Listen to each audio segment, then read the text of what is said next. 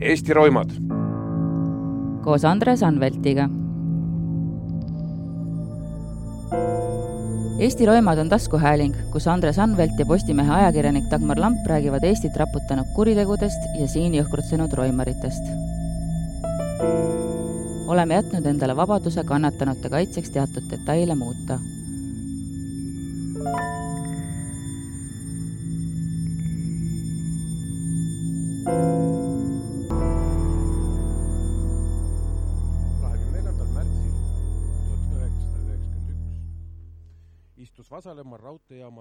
üks memmeke.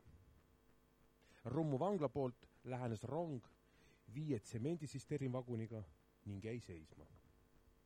ühel hetkel ronisid tsisternist välja kaks tolmust ja närvilist meest. ei osanud memmeke ilmselt arvata, et on parasjagu tunnistamas, kuidas vanglast põgeneb tulevane sarimõrvar Jüri.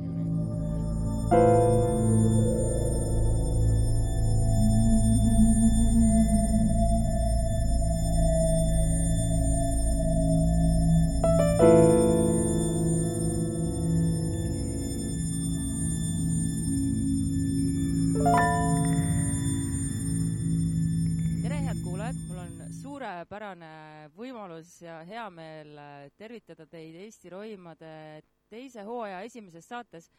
minuga, mina olen ise Dagmar Lamp ja minuga on siin äh, Andres Anvelt. tervitus, tervitus jälle, jälle kõigile ilusat uut aastat kellel on töötõend, me saime just teada mis avab kõik uksed. ja täna meil on külas äh, päriselu Tanel Tiks ehk et äh, Tanel, kes äh, töötab jõustruktuurides, ütleme siis nõnda sa noogutada, aga sa võid ka jah öelda. ja meie esimeses saate, esimese saate kangelane või antikangelane on Jüri Masin, kelle vanglas kirjutatud raamatu, raamat on muidugi hästi-hästi sihuke nagu, nagu ma ei tea siis, kokkuleppeline sõna selle teksti kohta, mis ta seal kirjutas. tema raamatut ma lugesin nädalavahetusel läbi, ma ei ole pärast seda enam endine poole pealt pidin hakkama veini jooma, see oli päris, päris äh, hull. aga kui te olete ära unustanud, kes on Jüri Masin, siis tuletame teile meelde äh,. Andres, kuidas sina üldse temast teadlikuks said omal ajal?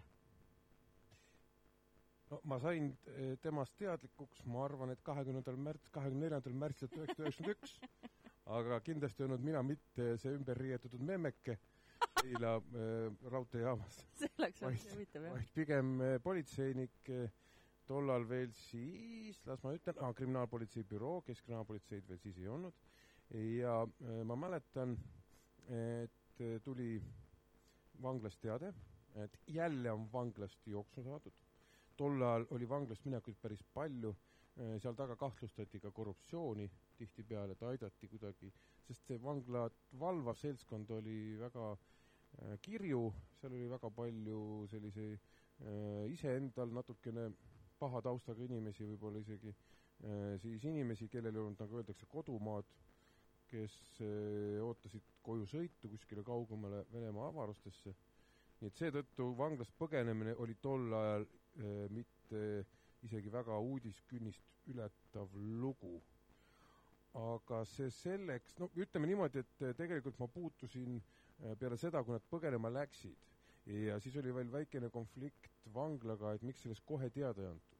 et me olime äh, Mosinal ja Simustel tol ajal sellel äh, kevadel, kui ma eksin, see oli ka suhteliselt lumevaegne kevad, mul on millegipärast see silme ees, olime suhteliselt järgi neil, aga teatud viivega.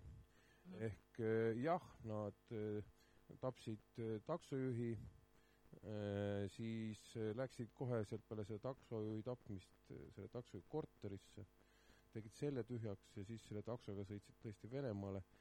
Ähm, aga see teema sai mulle nii hingelähedaseks, et nüüd juba siis kuusteist aastat hiljem, viisteist aastat hiljem, kuusteist aastat lendavad, lendavad. kui ma kirjutasin oma esimese raamatu Punane elavhõbe, siis sisuliselt äh, selle osa, osistest, seal on väga palju erinevaid kangelasi, mis on miksitud, aga see sündmus ähm, ja see vanglast põgenemine on aluseks siis teistele sündmustele, mis hargnevad pärast juba Venemaal, kindlasti peab sinna kohe ära ütlema, et kogu selle asja juures on väga suur annus fantaasiat, erinevate sündmuste, tegelaste kokkupõimimist, sest seesama Mosin ja Simuste omal ajal, kui nad läksid, siis nende teed läksidki lahku Venemaal päris ruttu, filmis oli ka muideks äh, kui ma ei eksi, nende teed läksidki lahku Venemaal lennujaamas, kus siis Simuste jäi millegi see kalamarja söömise lugu? Arvatavasti jah, ja jah, kalamarja söömise lugu ja, ja tema äh, siis jäi vahele äh,, alguses andis mingi Simuste siis jäi vahele? Simuste vahele, Mosin sõitis mujale Venemaa avarustesse. aga ka Simuste sai sealt minema, kui ma ei eksi, siis Vene miilitsast, kui ma nüüd hästi mäletan ja võib-olla ette rutates, et äh, seesama kaader, millest siin sissejuhatuses sai räägitud, see Keila rongijaamas, Vasalemma, jaa, Vasalemma raudteejaamas, filmisime Keila rongijaamas, selles on asi. õige, õige, õige, Vasalemma raudteejaamas. see on ju täpselt seesama, seal on vist ainult paar kilomeetrit on vahet Rummu äh, vahel, just laupäeval sõitsin sealt mööda, nii et nii et, et Vasalemmas me filmisime, kui me tegime Puustusmaaga seda filmi, siis me filmisime äh, vanglast põgenemist, kuidas nad peidavad ennast killustikku sisse, raudteejaamas tegime seda ja Keila raudteejaamas äh, vabandust, siis filmisime, läheb sassi, Õige elu ja, ja mängufilm, seda kruusa alt ja meil ei olnud mitte tsement, meil oli kruus, mille alt nad välja tulid siis ja panid siis edasi sinna äh, suvila kooperatiividesse. aga mis ma tahan öelda, siin on üks huvitav seik veel. Mida, mida me filmis ka filmisime.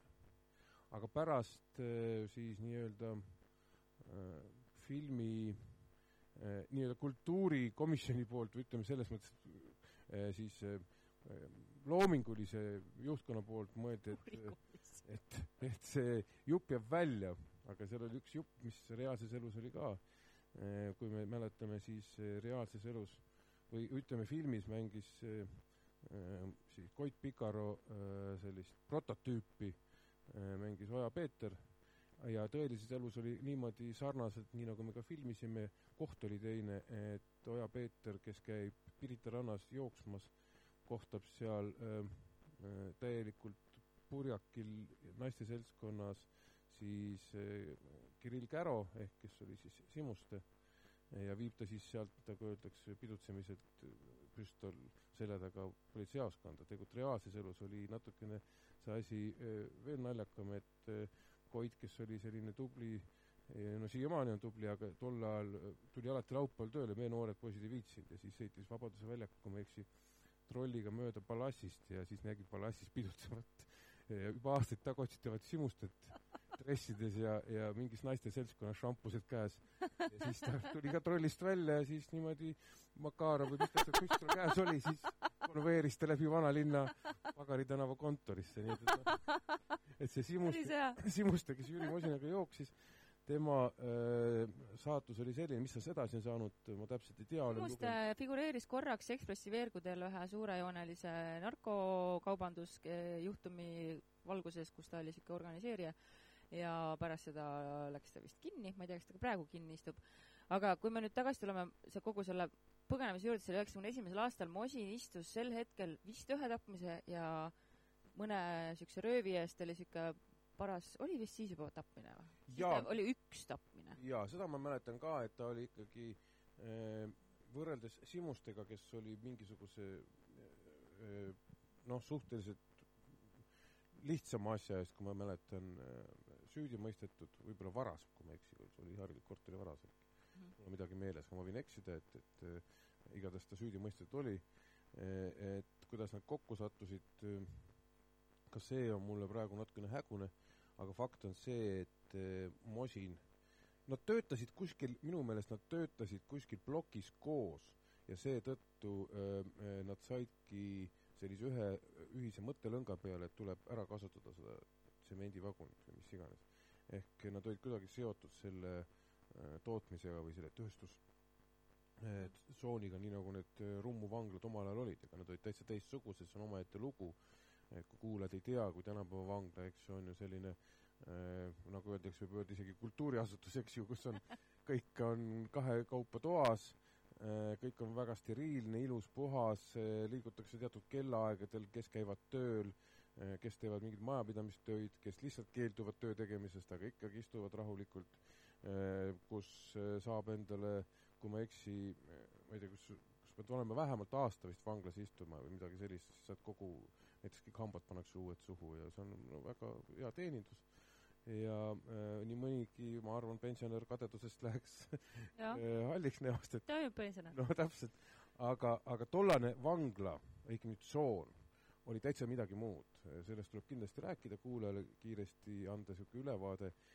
see oligi sõna otseses mõttes tsoon või laager, laagri tüüpi vangla, kus siis oli suur territoorium, kus olid barakid, kus olid tööstushooned, kus siis elasid kõik need vangid nagu nendes barakkides koos, mispärast neid barakke nimetatigi omal ajal, need olid tegelikult vanglate ülikoolid, sest kui sa sinna sattusid veel väikse kurjategijana, siis sealt välja tulles, kui sul õnnestus välja tulla, kui sa olid tülli läinud mõne äh, siis autoriteediga äh,, sind kuskil, nagu öeldakse, parašasse peadpidi pandud äh,, mis on siis vetsupott, eks ju, või õigemini auk põrandanurgas seinaga natuke eemaldatud. siis sellisel juhul äh, sa tulid välja palju autoriteetsema kurjategijana, et tegelikult oligi see vangla äh, tsoon oli tookord ikkagi eluülikool ja, ja seal äh, mõeldi välja uusi kuriteoskeeme, seal tsoonide puhul oli kogu aeg väga suur risk põgenemiseks, küll seal kaevati tunneleid, küll mõeldi mingeid muid asju välja, küll maksti kellelegi.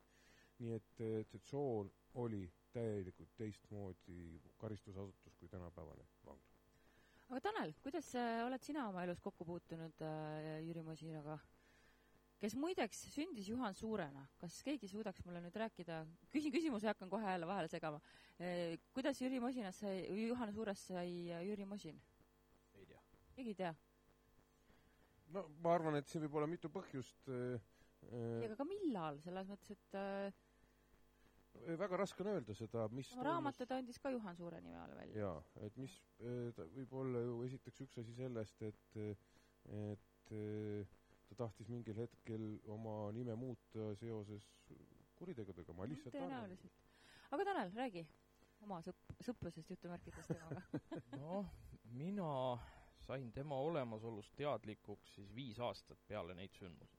üheksakümmend kuus siis? jah, üheksakümmend üks aastal minust, mina ju veel politseis ei olnud, minu aeg hakkas kuusteist märts tuhat üheksasada üheksakümmend kaks ja siis üheksakümne kuuenda aasta augustiks, täpselt mäletan, noh, vaatasin oma vanu mingeid asju ka eile, üheksakümne kuuenda aasta augustiks minul oli selja taga siis kolm ja pool jaoskonna aastat, sellist toredat üheksakümnendate, päris üheksakümnendate esimese poole jaoskonna aastat, jah. ja üheksakümne kuuendast augustist mina läksin siis Lubja neli asunud prefektuuri hoonesse sinna noh, lihtsalt öeldes siis raskete kuritegude osakonda tööle, eks ole, Tallinna prefektuuri. ja üks esimesi asju, millega ma seal kokku puutusin, oli selline uurimine, et noh, ma olin juba kolm pool aastat jaoskonnas olnud, ma olin üht-teist nagu selgeks õppinud, samas ikkagi noh, väga noor mees, eks ju, mis ma siis olin, kakskümmend kolm, neli. olid ajad, olid ajad. jah.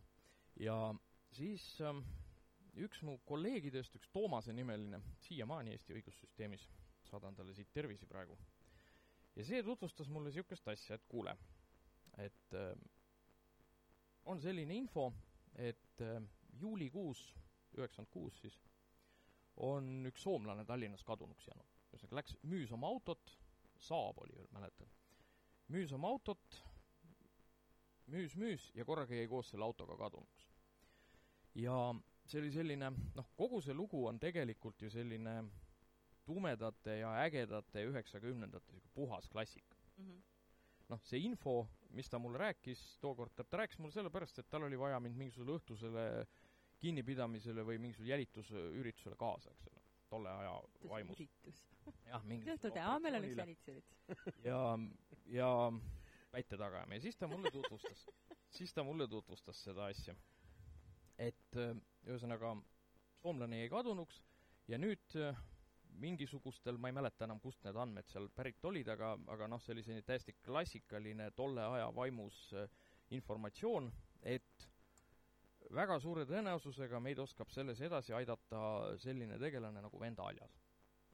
Mosinast sel hetkel ei olnud, noh, ma polnud kuulnudki. ja paari sõnaga võib-olla, kui nendest äh, ilusatest äh, üheksakümnendatest äh, juttu tuli, siis noh, meie tollane töörežiim oli umbes selline, et me tulime hommikul tööle, vaatasime noh, kui mingisuguseid suuri sündmusi ei olnud, eks ole, vastavalt äh, äh siis sellele, mis öö jooksul või, või ma ei tea, nädalavahetuse jooksul toimunud oli, siis see päevane töörütm oli selline, et noh, selline suhteliselt äh, tavapäraselt selline noh, valmistasime ette seal mingisuguseid asju ja noh, käisime kuskil mingisugust, ütleme, ametiasutustega suhtlemine toimus päeval. aga kõik see, mis huvitav oli, selle me tookord enamasti tegime väljaspool tööaega. ehk siis igasugused aadresside kontrollimist, noh päeval ei ole ju mõtet, eks no kedagi pole kodus, jah. käia, jah. siis kõik see, mis huvitav oli, see toimus enamasti noh, seal niimoodi, et kes käis kuskil veel ära, mingeid asju ajama, siis kell kuus saime Lubja tänaval kokku. lihtsalt öeldes, et pätt on ka ju, läheb hommikul tööle korteri tühjaks tegema. jah, näiteks tol ajal, eks ju et äh, jahutatast moodi. jah, et ähm, tavaline oli see, et kuskil kuuest saime seal Lubja tänaval kokku ja siis läksime kuhugi. ja see uurimine nägi välja siis, esialgu nägi ta välja niimoodi, et niikaua, kuni ei olnud haljast, niikaua ei olnud mitte midagi. asi edasi ei läinud, eks. ja siis ma mäletan, paar kuud oli sellist ikka, ikka pidevat õhtuti ringi tuhnimist, mingisuguste pätiurgaste kontrollimist ja mingisuguseid varitsusi kuskil, mingisuguseid kellegi, ma ei tea, jälitamisi, eks ole, nagu ta tol ajal toimus. ja see kõik siis tipnes sügisel, see oli esimene november, mäletan, täpselt mäletan, see on mul siiamaani meeles, esimene november tuhat üheksasada üheksakümmend kuus, kui järsku, loomulikult oli see reede muidugi, kui järsku kuidagi me jõudsime sinnamaale, päeval juba, noh, reedel tavaliselt sündmused toimuvad seal kuskil niimoodi lõunast, eks ole, noh, siiamaani toimuvad. ja kui me jõudsime kuskil mingisuguse aadressile, see oli seal praeguse, no ütleme, Laagri rongijaama juures, vana Pääsküla, Laagri raudteejaama läheduses seal. jõudsime mingisuguse aadressile, kus justkui elab üks väga sarnane mees. välimuselt siis sarnane? välimuselt jah, üksikasju enam ei mäleta, igal juhul me keskendusime sellele aadressile. kas tal olid siis ka väga uhked vuntsid? Äh, ei, see ei olnud masin, see oli haljas. ma mõtlengi haljast. ei, haljas oli olnud. tal praegu on okay.. aga võimalik, ma ei ole teda nüüd näinud, tõesti. ürit-, jälitusüritustel ei ole. ja, ja ühesõnaga siis ähm, seal toimus siis ähm, meie suur operatsioon, mis me tegime jälle täiesti oma jõududega. ja äh, mäletan sellist detaili, et äh, kuna noh, tollased pättide pildid olid, nagu nad olid Aljasest ei olnud muud kui mingisugune vana tsoonipilt ja ta oli üle kümne aasta juba istunud. ühesõnaga, see oli üle kümne aasta vana mustvalge foto, mille järgi me teda otsisime, justus punkrites. sa mõtled, see oli arvatavasti selline pilt, mis pandi mingi vabanemistõendi külge? jah, arvatavasti. jah, või siis see, mis ta oli tehtud eest ja profiilis, see, kui ta seal ja. tsoonis mingi aeg vaadati, et tsooni mineku pilt on juba vana, noh, tehti uus. midagi sellist. igal juhul selle saamiseks oli arvatavasti vaja kuskile rummu sõita ja sealt siis eriosakonnast see pilt. Üks nendest koopiatest sealt toimiku vahelt lihtsalt ära võtta, eks ole, see anti meile välja. noh, selle järgi me teda otsisime. ja siis me seal passisime selle aadressi peal ja mäletan niisugust detaili, et kuna keegi ei olnud ju haljast oma ihusilmadega näinud, ta oli üle kümne aasta istunud. ja kuskil seal vaikselt välja tulnud, me ei teadnud tast mitte midagi. et siis toodi välja üks vana, juba pensionile läinud kolleeg, kes oli haljasega kunagi kokku puutunud. ja see läks eemalt piiluma, kas on haljas või ei ole see käis seal väljas mingit pesu välja riputamas nööri peal. mingisugune sarnane mees. ikkagi inimene. jah, ja lõpuks jõudsime siis selleni, et vist ikkagi on. ja juba nii palju, kui ma mäletan, valmistusime juba seda aadressi seal sisenema või siis, või siis ootasime, igal juhul tulid mingid kaks jõhkardit sinna. mingisugused kaks suurt tugevat meest. ja vot nüüd ma üksikasju nagu väga täpselt ei mäleta, igal juhul nad vist hakkasid sealt Nad vist hakkasid sealt aadressilt kuskil ära minema, kõik kolmekesi. ja siis nad läksid sealsamas laagripiirkonnas laiali. niimoodi, et korraga oli selline olukord, et äh, kolm pätti läheb igaüks ise suunas ja meil on umbes kak-, kolm, võib-olla isegi kaks autotäit inimesi, eks ole, et neid kinni. ja noh, siis toimus niisugune väike tagaajamine seal, et jõudsime neile järgi, pidasime nad kinni, kahjuks ma ei saa oma mingisuguseid suuri teeneid äh, selles äh, välja tuua sest mina jäin täpselt kuskil seal rajooni selle operatsiooni käigus kuskil eemale selleks hetkeks, kui midagi toimus, mina kohale jõudsin ma sain mängust välja. tüübid olid juba käed raudus. aga seal juhtus niisugune detail, et üks minu kolleeg võttis, ühesõnaga, peeti kinni haljas, kas tõesti oli haljas, vale dokumendiga, alguses ta oma, nimetaski omal seal teised andmed, aga noh, saadi hakkama. ja kaks mingisugust vene tüüpi, ma ei mäleta, kas neil üldse mingid dokumendid olid, igal juhul nad olid mõlemad illegaalid. Ja noh, see kinnipidamine, eks ta läks seal niisuguseks rapsimiseks ja, ja mingil hetkel siis see, kes pidas kinni ühe nendest, ühte ma enam nime ei mäleta, teine oli Sergejev, aga eesnime nallast alla. see oligi see, kes mõisteti jaa, jaa, kes pärast süüdi mõisteti Dmitri. seal, jah, Dmitri Sergejev. ja siis üks kolleeg, niisugune noor poiss, samasugune, nagu me kõik siis olime või enamus me siis olime, jäi selle Sergejeviga nagu kuskilt tänavanurgalt kahekesi, et pidas selle Sergejevi kinni. Põhimõtteliselt ilmselt peale üllatusmomendi ei olnud tal mitte midagi nagu mingit eelist, eks. ta pidas selle Sergejevi kinni, noh, nagu sa sel hetkel teed, eks ole, esimene asi, käerauad peale, selle ta sai ja tassis selle Sergejevi autosse. ei jõudnud ta seda seal, noh, adrenaliin üleval, süda kurgus, eks ole, suur tugev mees on vastas, jumal teab, kes ta selline on. ta tassis selle Sergejevi autosse, kiiresti kohe kohalt minema Lubja poole. ja siis ta ise, mina seal autos ei olnud, aga mina nägin teda, seda pilti siis, kui me jõudsime Lubja ette, ühesõnaga, Sergejev oli nihelenud terve tee autos, käed olid selja taga raud. niheleb ja niheleb ja siis, kui see hakkas teda autost välja võtma, siis tal siit tagant püksivärvli vahelt kukkus TT-püstol välja auto põrandal. isegi ei otsinud läbi teda. nojah, niimoodi selliseid asju juhtub. et noh, oleks õnneks. jah, nüüd oleks siis võinud olla kaks varianti, kas oleks me ta korralikult läbi otsinud, mida ma arvan, et me ikkagi oleksime teinud, et me oleksime leidnud selle. Või siis on variant, et suure kergendusega oleks ta käed raudust lahti tehtud, noh, seda me ei taha keegi mõelda, mis siis oleks Mhm. saanud. sest sellel tüübil ei olnud isegi noh, Eesti riigis ei olnud kellelgi arusaamist üldse, et Sergejev eksisteerib. noh, rääkimata Mhm. sellest, et ta siin on. et ühesõnaga väga õnnelik lugu. aga see mm, me oleme nüüd ajas hüpanud edasi ja tagasi, et jah, et et Sergejev, tema ju mõisteti süüdi koos venda Aljas ja Jüri Mosinaga selle soomlase tapmise, oot, või oli see äh, taksojuhi see, tema, vot sel-, sinnamaani peab nagu jõudma selle jutuga. Okei okay,, no jõuame siis, aga räägime vahepeal seda, mida Jüri Mosin pärast seda, kui ta põgenes äh, Rummu vanglast. Eh,, siis nad silkasid Keila, Keilasse jala, hüppasid sealt äh, rongi peale, sõitsid Tallinnasse, oli vaja raha, oli vaja autot, võtsid ühe taksojuhi, viisid ta kuhugi vist kas Jüri või Peetri lähedale metsa, kus nad vist jõid temaga, kui ma nüüd, see kõik on nüüd siis sellest Mosina enda raamatust. Okei okay,, Nad siis olid- läheme ajas jälle viis aastat tagasi. jah, et, et jõuda selleni, kuidas Mosin sai endale hüüdnimeks kalmistuvaht. et, et siis nad jõid seal, kusjuures ma sain aru, et see taksojuht ise veel oli juba suht juba, et mõtles, et ta pääseb, käed seoti kinni ja siis võeti korterivõtmed mindi korterisse, aga lihtsalt ööga see taksojuht seal oli purjus, külmus ära ja siis ta ei saanud juba minema sealt. see on muidugi kaheldav, sellepärast vähemalt niimoodi kirjeldas seda asja jaa, mina ütlen, et see asi toimus nagu teistmoodi. See inimene kägistati ikkagi väga reaalselt ära ja kasutati selleks muideks äh,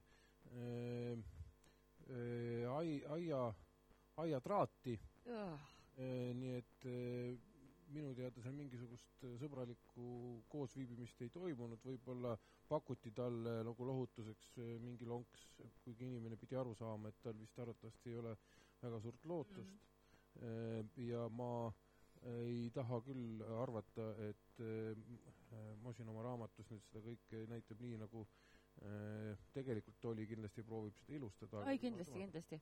aga mis ma tahan öelda, et, et peale seda, kui ta Venemaal oli, siis eh, jah, ta eh, Venemaal, olles Redus, töötaski kalmistuvahina. ja eh, kauakaevajana. hauakaevana ja noh, selliste asjade puhul arvestades üheksakümnendaid, siis pärast hilisemalt temaga rääkides, siis oli seda natuke nagu jutuks, ta väga jutukas ei olnud, aga just seesama asi, et tollasel ajal oli nii Venemaal kui võib arvata ka Eestis oli moes selline asi, et kui äh, organiseeritud kuritegevus oli mingitel gruppidel oli vaja kellegist lahti saada, siis toimus nii üle, nii-öeldakse ülematmine. Ehk kui keegi maeti äh, siis äh, nii-öelda loomulik kadunuke, siis sinna kirstu alla oli väga soodne panna siis äh, äh, näiteks tapetud inimest mm. -hmm. et niimoodi varjata kuriteojälgisid ja saada lahti mm, siis oma ohvritest, nii et, et ma arvan, et see on üks põhjus, miks ta sellise tiitli endale sai. ta väidetavalt ta teenis enda sõnade kohaselt ka kohutavalt palju eh, toonases vääringus, ma ei tea, seal neli-viissada rubla nädalas. Kui vist kuupalk oli kuskil sada viiskümmend rubla, et vot see oli siis see, millega ta seal raamatus pröökas, ma muidugi jah ei tea, et aga seal olid tal naised ja perekonnad äh, vist isegi mitu, mitu erinevat naist ma ei suutnud lõpuks enam järge pidada, kelle juures ta kõige juures seal elas. ja, ja kuidas ta siis ikkagi meil nüüd äh, tagasi tuli? no tagasi ta tuligi, äh, ma arvan, peale seda, kui tal ikkagi, pärast kurjategija liigub, kurjategija harilikult liigub äh, juhul, kui punkt üks on see, et äh, tal tekivad mingid probleemid mis ei pruugi olla ainult õiguskaitseorganitega, võivad olla probleemid näiteks teiste pättidega, siis ta harilikult vahetab kindlasti oma dislokatsiooni ja otsib endale parema koha, või siis eh, teda kutsutakse kuhugi, kus on tal mingid sõbrad ees, kellega ta on koos istunud ja on võimalus teha mingeid teemasid. Ehk eh, ma arvan, et eh, tema puhul võis olla nii ühte kui teist, aga noh, fakt on see, et ta jõudis siia Eestisse ja alustas kohe tegutsemist oma sõpradega.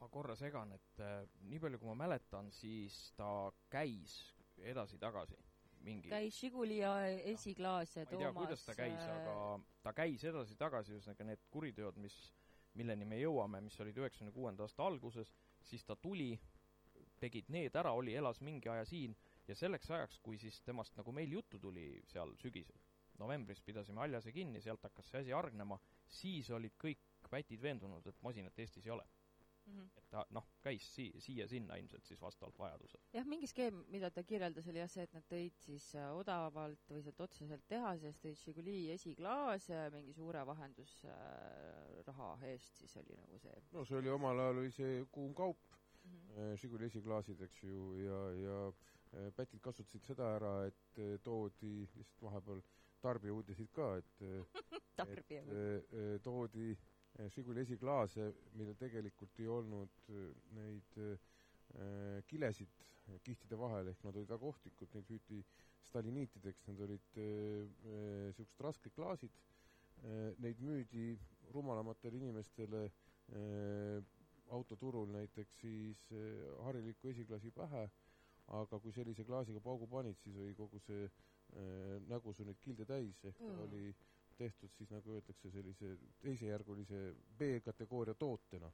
ja, ja muidugi tuleb kindlasti öelda ka seda, et, et et kuulaja muidu kindlasti on kriitiline, kuidas niimoodi käis edasi-tagasi, jällegi tuleb meelde tuletada üheksakümne kuues aasta, kõik sellised andmebaasid ja, ja muud asjad, eks ju, olid tol ajal lapse kingades, piir töötas lihtsalt passikontrollil ja kui sul oli vähegi äh, hea passivõltsija, siis sa said seda teha äh, ja mitte väga kallilt ja Eesti passe siis ka võltsiti päris palju, nii nagu üldse passe. ja seetõttu äh, mingisugust äh, muud näotuvastusprogramme ja kõike muud sellist, mida tänapäeval öeldakse, et on normaalne, kindlasti ei olnud, nii et kurjategijal, kui tal vähegi oli tahtmist ja ettevõtlikkust, siis ta kasutas ära seda vaba liikumist nii, kuidas sai. Aga pärast äh seda, kui te siis äh, härra Venda Aljase kätte saite, nüüd kui me oleme tõesti ajaliselt vist jõudnud sinna, saite kätte, sest et äh, teadsite, et temal on infot kadunud soomlase kohta, aga soomlase laipa polnud siis leitud? ei mm. -hmm. et lihtsalt liikus kõlakas, et on kadunud? jaa.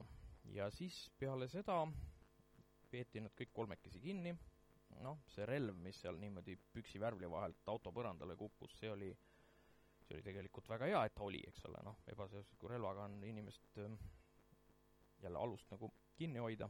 Mm., sest tõendid, noh, olid nii, nagu nad olid, ega me nende venelaste osalusest ju siis ei teadnud mitte mõhkugi. et noh, kas nad olid, oli üks nendest, oli teine nendest seal, võib-olla olid mõlemad, võib-olla ei olnud kumbki, eks ole, noh, ei teadnud ju rohkem midagi, kui et. Ja siis peeti nad seal kinni, mäletan, neid oli järgmine päev seal kohtusse viisime laupäeval toimetasime, tegelesime ja siis tuli, siis see kriminaalasi läks, mäletan, tollase Keskuurimisbüroo menetlusse, seal olid, vot, Meelis Olev on siin saates käinud, eks mm, -hmm. siis tema oli üks nendest uurijatest, teine oli üks Raini nimeline, kes siiamaani õigussüsteemis toimetab. ja öö, siis Aljas oli niisugune väga ladna jutuga mees, mäletan, isegi suhtlesin ja me kõik seal suhtlesime, mina esimene õhtu, kui see kinnipidamine oli, ma mäletan, et minu juures, minu kabinetis, noh, tavaline oli see, et eks toodi inimesed ära, hakati seal vormistama, juttu ajama, kõik see, eks ole, see relv viidi Sergejevist võimalikult kaugele ja, ja ühesõnaga äh, siis minule jäi see teine vene tüüp minu kabinet siis, mina siis üritasin temaga seal juttu ajada ja vormistasin tema kinnipidamist ja rääkisime ja ja jällegi, mulle jäi siis see, kes tegelikult ei teadnud mitte midagi. ta ei teadnud isegi sul ikka on jumalast kehvad lood selle case'iga. ei, mitte ainult, me jõuame sinna. et ühesõnaga, tema tõesti ei teadnud, et nad üldse kellegi ära tapnud olid no.. see oli teine venelane, mitte jah, Sergejev. Ei. ja siis, ühesõnaga, olid nad kõik kinni peetud, siis hakkasid niisugused ülekuulamised, nagu nad ikka on, tulid need keskuurimisbüroo uurijad sinna ja ma mäletan seda, et see see, et Aljas lõpuks rääkima hakkas, oli selline puhas, ühesõnaga puhas selline ülekuulamis noh, taktika või metoodika värk, et, et seal oli mingisugune detail, mis mis uurijad küsisid, et mis autoga sina sel ajal sõitsid umbes, kui ta rääkis seal nendest sündmustest ja Aljas ütles kohe pauks, vot selle autoga. Ühesõnaga millegi pealt, mingisugused vasturääkivused, noh, ta rääkis midagi sellist, mida ei saanud olla Mhm. ja selle pealt ta nagu peeti oma, või noh, siis püüti need vasturääkivuste pealt kinni ja siis ta mingil hetkel tuli ülevalt üks teine noorem töötaja alla minu juurde, ütles kuule, nüüd lähme laipa kaevama. et äh, see oli jälle, oli õhtune aeg väljas, oli niisugune must pimedus ja noh, november. no kus ikka November, jah, laipakaeva, ikka, valges ei kaeva ometi. Ja siis, ja siis muidugi, siis muidugi lähme, läksime, oli noh, kõik ähm, äh, kõigil selline noh, ootusärevus ja värk ja ja siis Saljas kuulati seal kiiresti üle, sõitsimegi, ta oli nõus selle laiba ette näitama, rääkis, see tapmine toimus tegelikult Meriväljal. oli üks äh, suur maja, kus elas mingisugune suhteliselt asotsiaalne tegelane, see maja oli, oli igavene vägev, suur mitmekorruseline maja, aga noh, omanik äh, kõige paremini oma eluga hakkama ei saanud ja oli, ta oli suhteliselt, no ta oli ikka väga kehvas korras. ja see oli üks koht, kus nad seal pesitsesid, minu meelest oli nii, et noh, see soomlane vist ise sõitis oma autoga sinna, nad olid mingi kohtumise seal kokku leppinud, või siis noh, sõideti koos sinna, igal juhul seal nad ta maha lasid, Aljas ja Sergejev mm. -hmm. ei mäleta, kumb enam, polegi oluline. seal nad ta maha lasid äh,, et tegelikult oli nii, et Aljase väitel oli niimoodi, et tema vist võttis selle relva välja, soomlane hakkas vastu, rabas sellest relvast kinni, Sergejev tuli Aljasele appi ja sai selle relva oma kätte, lasi soomlase maha. vist oli nii. Mm, Sergejevil oli täiesti, kindlasti vastupidine versioon. täiesti võimalik, jah. ja siis nad toppisid ta oma auto pagasnikusse ja viisid ta Väänale. Mhm. päris kaugele minna, eks. üle, üle linna ikka siis? jaa. sõitsid läbi linna selle soomlase laip pagasnikus või sealt, no ilmselt siis, eks ole, sealt Rannamõisa tee ja sealtkaudu Ja, Tabasalu. ja meie siis viienda novembri õhtul, nagu ma eile oma asjadest järgi vaatasin, et neli päeva hiljem oli siis see kaevamine, kott pimedas, eks, et tollase noh, meil oli üks videokaamera, mis tol ajal oli kõva sõna, igal pool ei olnud videokaamerat. Loomulikult mitte mingeid valgusteid peale auto laternate, eks ole, ja kuskilt veel toodi mingi džiip, kellegi tuttava oma, et sellel olid nagu kõvemad laternad, eks ole, et siis näeb ka midagi. ja siis me läksime kott pimedas kuskile Väänale, kus Aljas leidis üles väga hästi selle piirkonna, kus see oli. ja vot siis oli kõik, siis siin kaevasime, seal kaevasime, seal oli mingisugune mingisugune järsak, ta tundis selle järsaku ära, ütles vot see järsak siin, see tee jääb paremat kätt, vot kuskil siin. ja kaevasime, kaevasime, lootus hakkas vaikselt juba nagu kaduma ka, et noh, kuskil midagi sellest oli möödas kümme kuud, on ju, sest see oli veebruarikuus, kui oli see ei tapmine või?, see oli suvel, sest oli kolm Ahah, kuud möödas okei. ja, ja teised olid seal Mhm.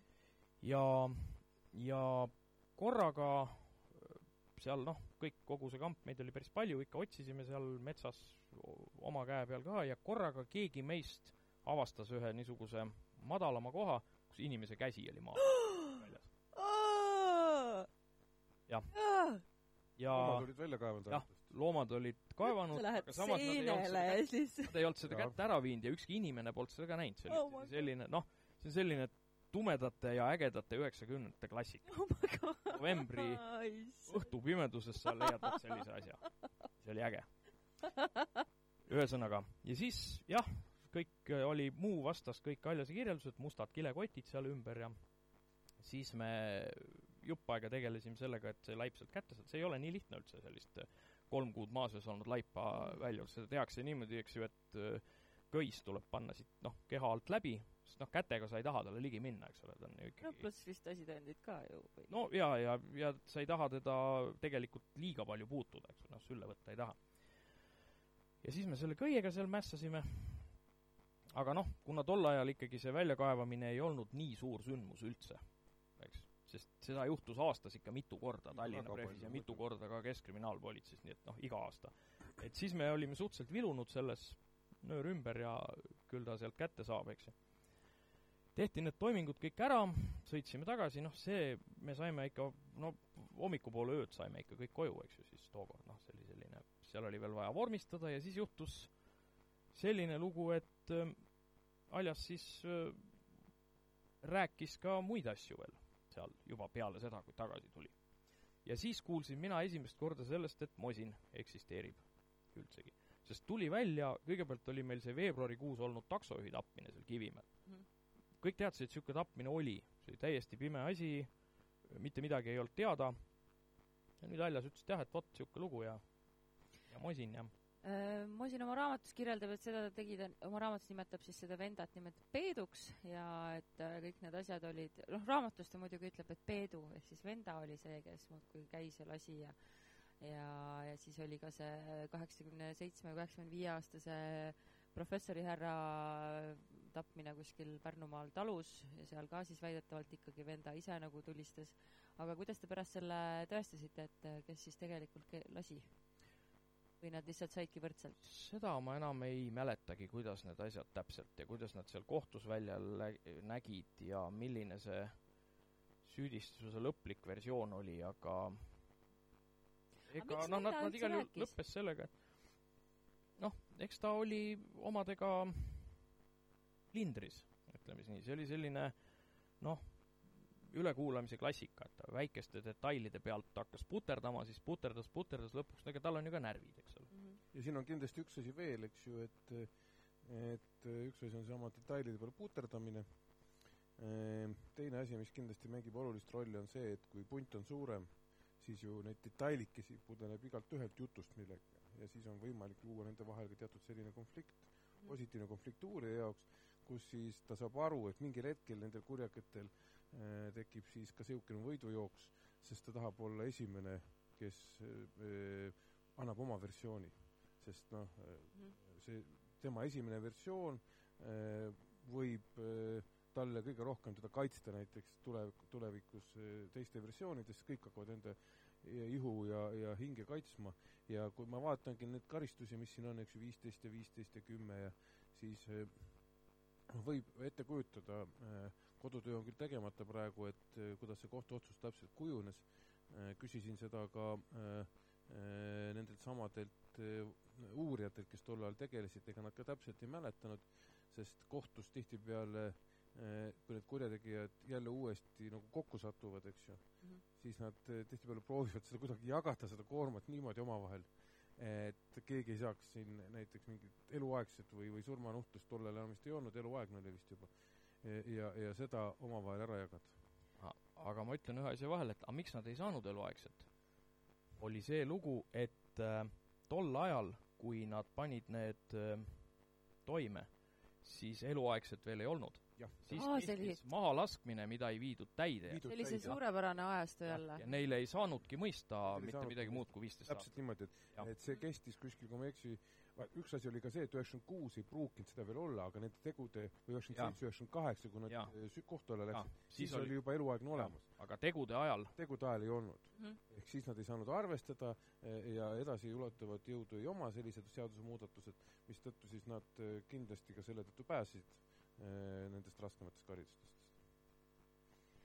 Ehm, aga Mosina vägiteod äh, sellega ei lõppenud, läks ta kenasti kinni, ega me peal, oota, natuke segaks vahele, et ega sega? me ei olnud teda veel kätte saanud. õige issand, jah, muidugi, ei ma juba olin kohtus omadega. istusid ah, see kõige põnevam osa, muidugi. istusid meil, see kõik on kõige põnevam istusid meil kenasti Aljas ja Sergejev, seal mingisugune esialgne selgus oli loodud, aga ütlustest tuli välja, et on olemas Mosin, kes oli siis kahel tapmisel, mis toimusid aasta alguses, ja kes on viis aastat olnud tsoonist jooksust ja kes on üldse Venemaal. ehk siis suhteliselt võimatu kaasosaline, kelle ta välja käis, eks.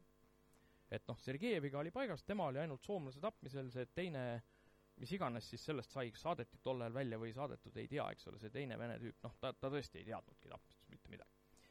ja nüüd tekkis küsimus, et kuidas masinad kätte saab. ja ega sellele nagu väga lihtsat vastust ei olnudki ähm, ja siis meil mingisugused tööalased kontaktid tekkisid, vot Keskkriminaalpolitseiga, sest tegelikult no oleme ausad, tol ajal oli ju ikkagi Tallinnas oli mingisugune rivaliteet oli kindlasti olemas, on ju. noh, selles ajast, pidi nii olema. et äh, noh, see ununes sellistel puhkudel kahtlemata ära, ta oli selline positiivne tegelikult, et noh, kumbki tahtis parem olla, eks ole mm.. aga sellistel puhkudel kindlasti ta ununes ära ja noh, Keskkriminaalpolitsei või mis ta siis oli, kriminaalpolitsei? siis ta oli juba üheksakümmend kolm oli Keskkriminaalpolitsei. et äh, seal oli nagu selge selline puhas äh, koostöö oli nendega meil, et noh, mingisuguseid Venemaa otsi võib-olla sealtkaudu ikkagi noh, keskaparaadi kaudu ja, ja see kõik oli kõik seda vaikselt aeti, see kõik oli töös kuni selle hetkeni, kui äh, üks täiesti suvaline linnakodanik, kellel polnud üldse aimu äh, Aljase olemasolust ega, ega üldse sellest suurest äh, noh, kõigist nendest rasketest kuritegudest, mis ta teinud oli, ühe sellise täiesti teise teema pealt jutuajamise käigus teatas, vaat see on nüüd see, kus, kus mina ei olnud teises autos, eks ole teatas mulle, et kuule, et mingit niisugust julma, oled kuulnud sellist nime? julmaks kutsutakse, mingi niisugune mees, et Venemaal. Juhan Julm. jah, no oli tal selline hüüdnimi. et tal oligi Juhan Suur oli ju sünninimi ja siis ta ennast nimetas Juhan Julmaks. jah, julmaks kutsuti teda linna. et see on Venemaalt tulnud kuskilt. mina tegin selle peale siis võimalikult ükskõikse näo, ütlesin, kust midagi nagu oleks kuulnud, et mis, kus sa teda nägid täpselt. ja siis oli teda kuskil õllekas näinud täitsa noh, suvaline, selles mõttes ta oli ise kinni istunud ja ta oli temaga tsoonis olnud, aga noh, nad ei olnud isegi ilmselt, Mosin oli ka tunduvalt äh, tõsisem kurjategija, eks ole, kui, kui, kui see. ja see siis vähe sellest, et ta rääkis, ähm, kus ta teda näinud oli, ta rääkis ka, kellega ta koos teda näinud oli, vanade pättidega. ja need arvatavasti ei pandud tähelegi, et, et mingi sihuke papi seal kuskil nurgas õlut rüüpas, eks ole. noh, ma tegin siis oma kõige sellise osavõtmatuma näo ette ja rääkisin, ahah, noh, see oli hea küll. Läksin Prefi tagasi, ütlesin, et kuulge, et teie ei tea, kuidas julma kätte saab, aga mina tean. jah, oli küll. lõpuks ka sul vedas. jah, sain ära öelda. näkkas. jah, aga siis, ühesõnaga nagu öeldud, vot siis me enam ütleme, mingisugust paljaste kätega võtmist ju ei, ei toimunud ju ka, et siis oli meil aega planeerida ja siis meil oli selline koostöö äh, juba nagu Keskkriminaalpolitseiga ka sisse seatud, et siis koostöös see kinnipidamine seal aset leidis ja, ja noh, edasi vast räägib Andres juba. Andres oli seal, jah.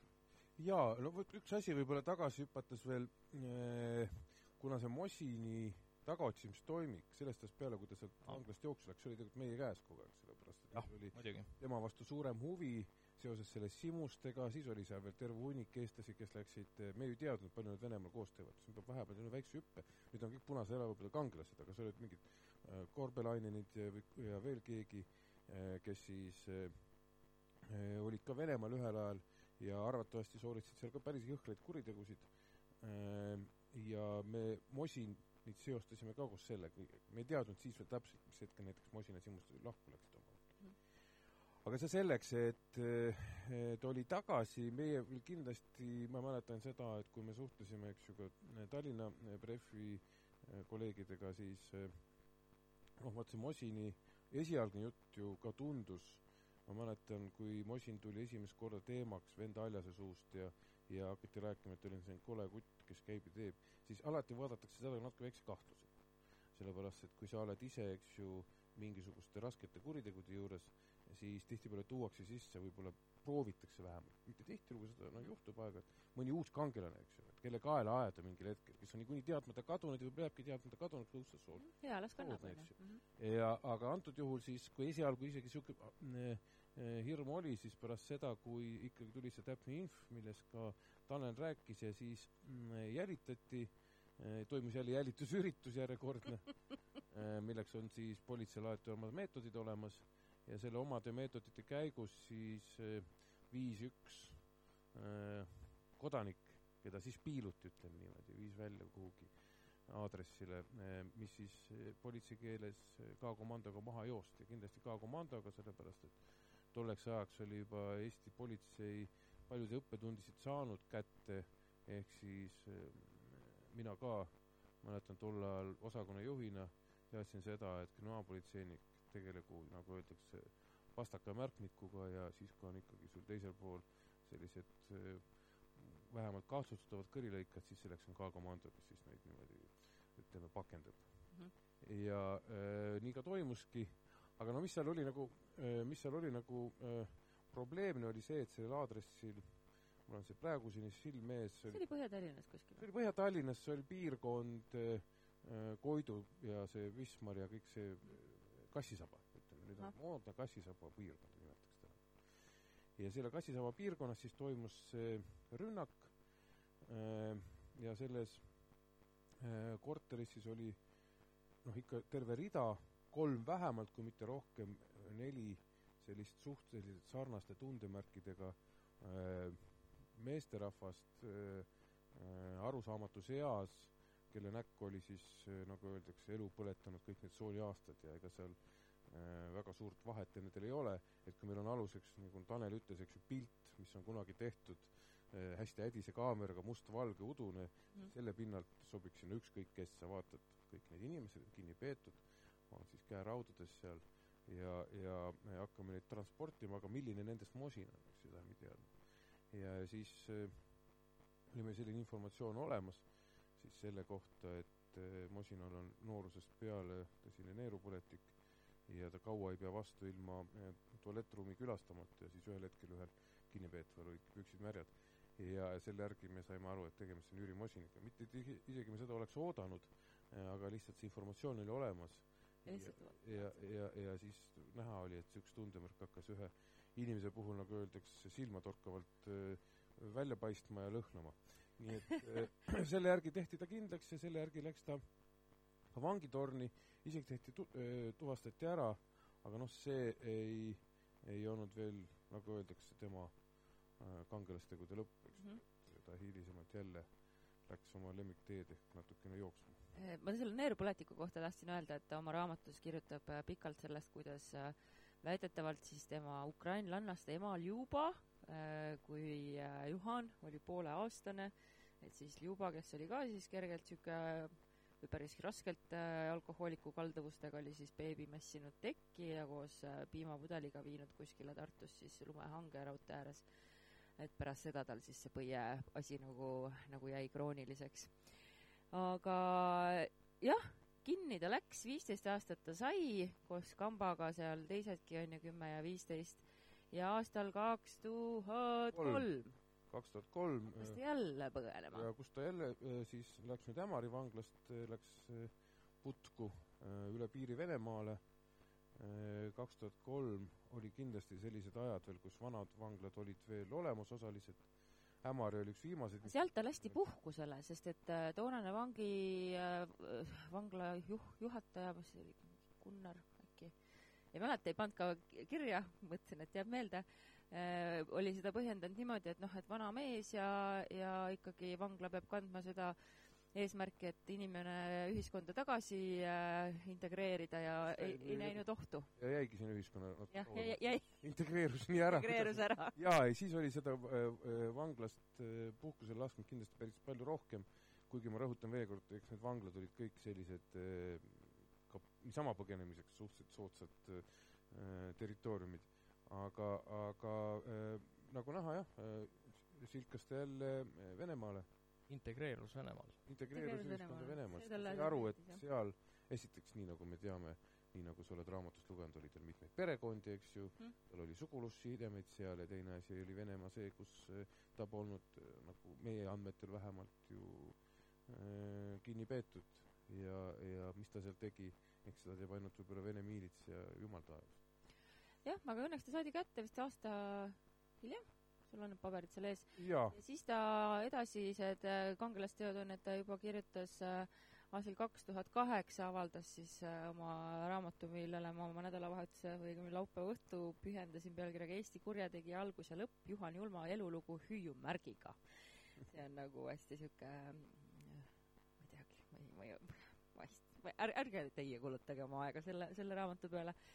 ja, ja siis ta ka abiellus vanglas äh, kellegi proua Tiiuga, kes oli täiesti veendunud, et, et Jüri on õppinud oma oma kuritegudest ja, ja tahab paraneda, aga nüüd ei suutnud me kolme peale tuvastada, mis temast tänaseks saanud on. jah, see informatsioon puudub äh, sest et ma, ma isegi ei leidnud seda, palju talle määrati lisaks pärast seda teist põgenemiskatset. Et tegelikult see info oleks pidanud juba Riigi Teatajas olema, sest et see oli jaa, kindlasti oleks pidanud olema, aga me ju ei tea, mis need asjaolud seal olid. kakskümmend neli, kakskümmend kuus algab. tal võis, võis, võis tal olla äh, loeti kuidagi teise karistuse alla või, või midagi muud sellist. et väljas oleks ta pidanud praegu olema, aga väljas ta ei ole ja jäljed on kadunud, et äh, ei, ei tea, ühesõnaga lõpeb. ja loodan, et me sellest ei saagi teada. Äh, selles mõttes, et, et oma jälgi kuskil näitama ei hakka, et see oleks, ma arvan, kõige parem, sellepärast et tema elu on toonud paljudele inimestele väga palju õnne, õnnetust tähendab, ja kurjust mm. ja, ja seetõttu ma arvan, et parem, kui me temast ei kuulegi, sellepärast nagu sa ise oled märkinud peale raamatu lugemist, et äh, tema tegu, tegevus äh, hakkas rohkem tuletama meelde nagu saatana tegevust, ma saan aru. jaa, see saatan oli seal äh, keegi niisugune kolmas isik, ütleme nii. aga Tanel, ka sul äh, ei ole tema kohta rohkem mingit infot, venda Aljas on äh, küll, elab uut elu ja täitsa isegi Facebookis avalikult olemas, paistab, et on leidnud viisi, kuidas seadusekuulekalt elada, vähemalt loodame.